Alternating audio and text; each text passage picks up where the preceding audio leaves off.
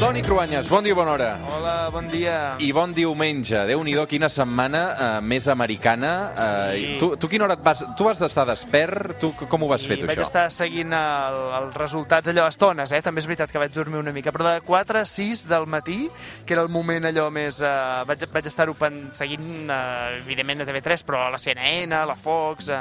És divertit tot això, eh? Sí, tot molt ajustat, però mira, al final s'ha anat allargant, allargant, allargant, eh? Sí, resultats molt ajustats, si mirem allò estat per estat, però bé, a banda de la victòria aclaparadora en vot popular, això claríssim, del Joe Biden. Eh? Sí, el que passa és que, Toni, les enquestes una altra vegada, i mira que aquesta vegada ens hi havíem, havíem filat prim, doncs l'han tornat a espifiar, perquè no l'han encertat gaire, perquè feia mesos que vaticinaven una victòria eh, de carrer dels demòcrates i això ha estat eh, una agonia llarga. Eh? Una agonia llarga, sí. De fet, ha estat, a veure, ha estat una victòria de carrer dels demòcrates en el total del país, eh? Però, clar, als Estats Units nosaltres els veiem com una unitat, com un sol país, però en realitat, per començar, això és com si fessin 50 eleccions diferents, una per cada estat, i cal guanyar no al global, sinó en els estats decisius. Per això ja portem tantes eleccions amb sospites de legitimitat. L'últim exemple, i molt sonat, va ser l'any 2000.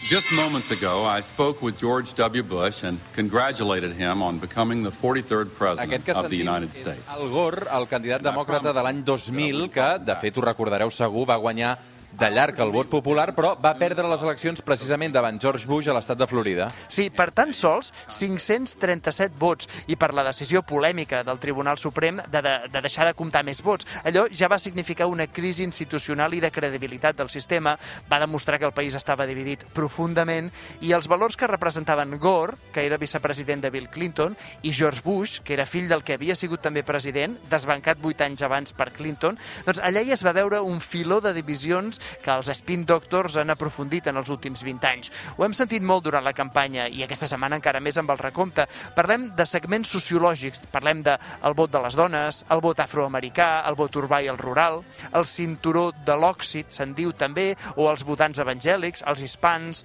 els rednecks, en referència als homes blancs molt nacionalistes. Un munt d'etiquetes, Toni, per afinar els missatges electorals de les campanyes que s'amplifiquen també en els temps de les xarxes socials. Sí, durant el segle XX, els presidents guanyaven les eleccions si aconseguien arribar als votants de centre, ampliant la seva base electoral. En canvi, ara guanyen els que són capaços de mobilitzar els seus militants amb més força. No només Donald Trump, sinó també George Bush o el mateix Barack Obama, que a nosaltres ens sembla molt moderat, però que per als conservadors americans era un extremista. Ell mateix, de fet, va haver de fer una crida a la Unió en un seus discursos més aclamats. Escoltem-ho bé. There is not a liberal America and a conservative America. There is the United States of America. Aquí el que diu eh, Barack Obama és que aquesta és una frase molt cèlebre, no? No hi ha uns estats liberals o uns estats negres i blancs, hi ha els Estats Units d'Amèrica, no? Sí, mira, et proposo tres marades històriques, eh, aquestes diferències de les que parla el mateix Barack Obama, no? Aquests estats desunits d'Amèrica. Mira, la primera mirada històrica, és clar, té a veure amb la fundació mateixa del país. I és que no són iguals els estats fundacionals que els que es van afegir després.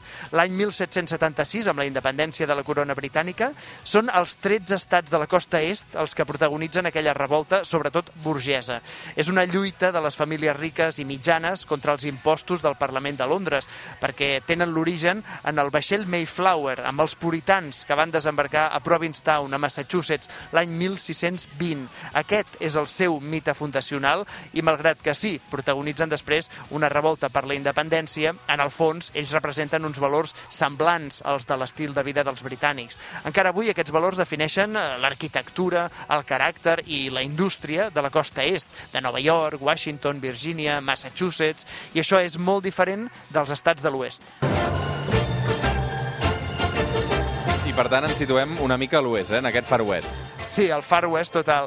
No té res a veure el mite fundacional de la costa est amb el centre i l'oest del país, amb els cowboys, la gent intrèpida que al segle XVIII van anar a conquerir una terra que era àrida, difícil, també ho hem de recordar, eh? aniquilant la població autòctona. Però és molt important per l'autoimatge que tenen els americans. S'entén en aquest origen el dret dels ciutadans, per exemple, a portar armes. Els cowboys, els buscadors d'or, els xèrifs, els pistolers, són els que van derivar anys després en una força de la iniciativa privada que explica també mètodes molt expeditius dels empresaris o fins i tot dels artistes de Califòrnia, Oregon, Arizona, de Nevada.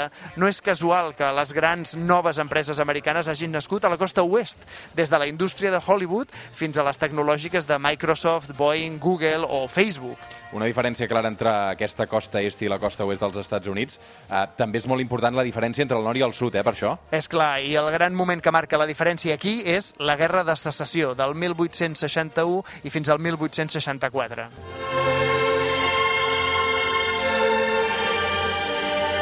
Banda sonora d'allò que el vent s'endugué, a una de les grans pel·lis de Hollywood, la diferència més profunda entre el nord i el sud era en aquest cas de model econòmic, Toni.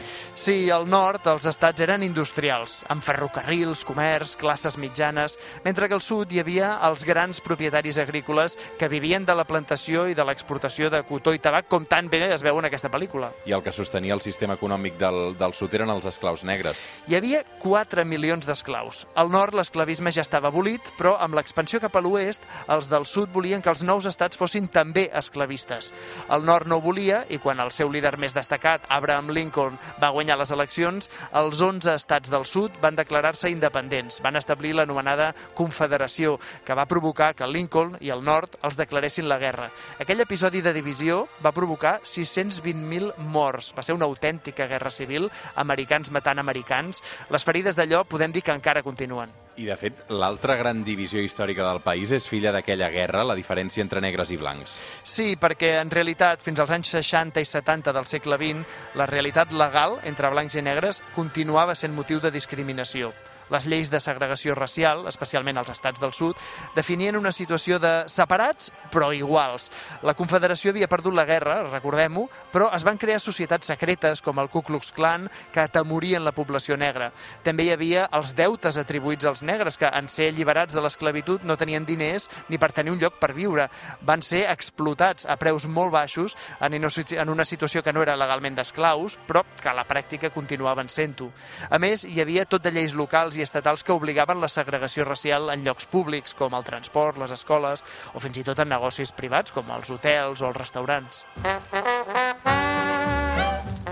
Louis Armstrong i la seva trompeta va ser un exemple de les poques coses que, de fet, permetia als negres en els llocs freqüentats pels blancs, no? I és la música, allà sí que es podien barrejar. Sí, la música, especialment la música religiosa, també la música espiritual, és un senyal d'identitat de la comunitat negra dels Estats Units, dels descendents dels esclaus. Encara avui, la gran rasa, la, el que separa els blancs i els negres, és encara una de les divisions més visibles en aquest gran país, perquè és un gran país molt modern, molt avançat en, en moltes coses, als Estats Units Units. Un gran país, però també amb grans divisions. I, de fet, ni la presidència de Barack Obama, la primera d'un negre, ha servit per tancar la ferida d'aquesta divisió històrica.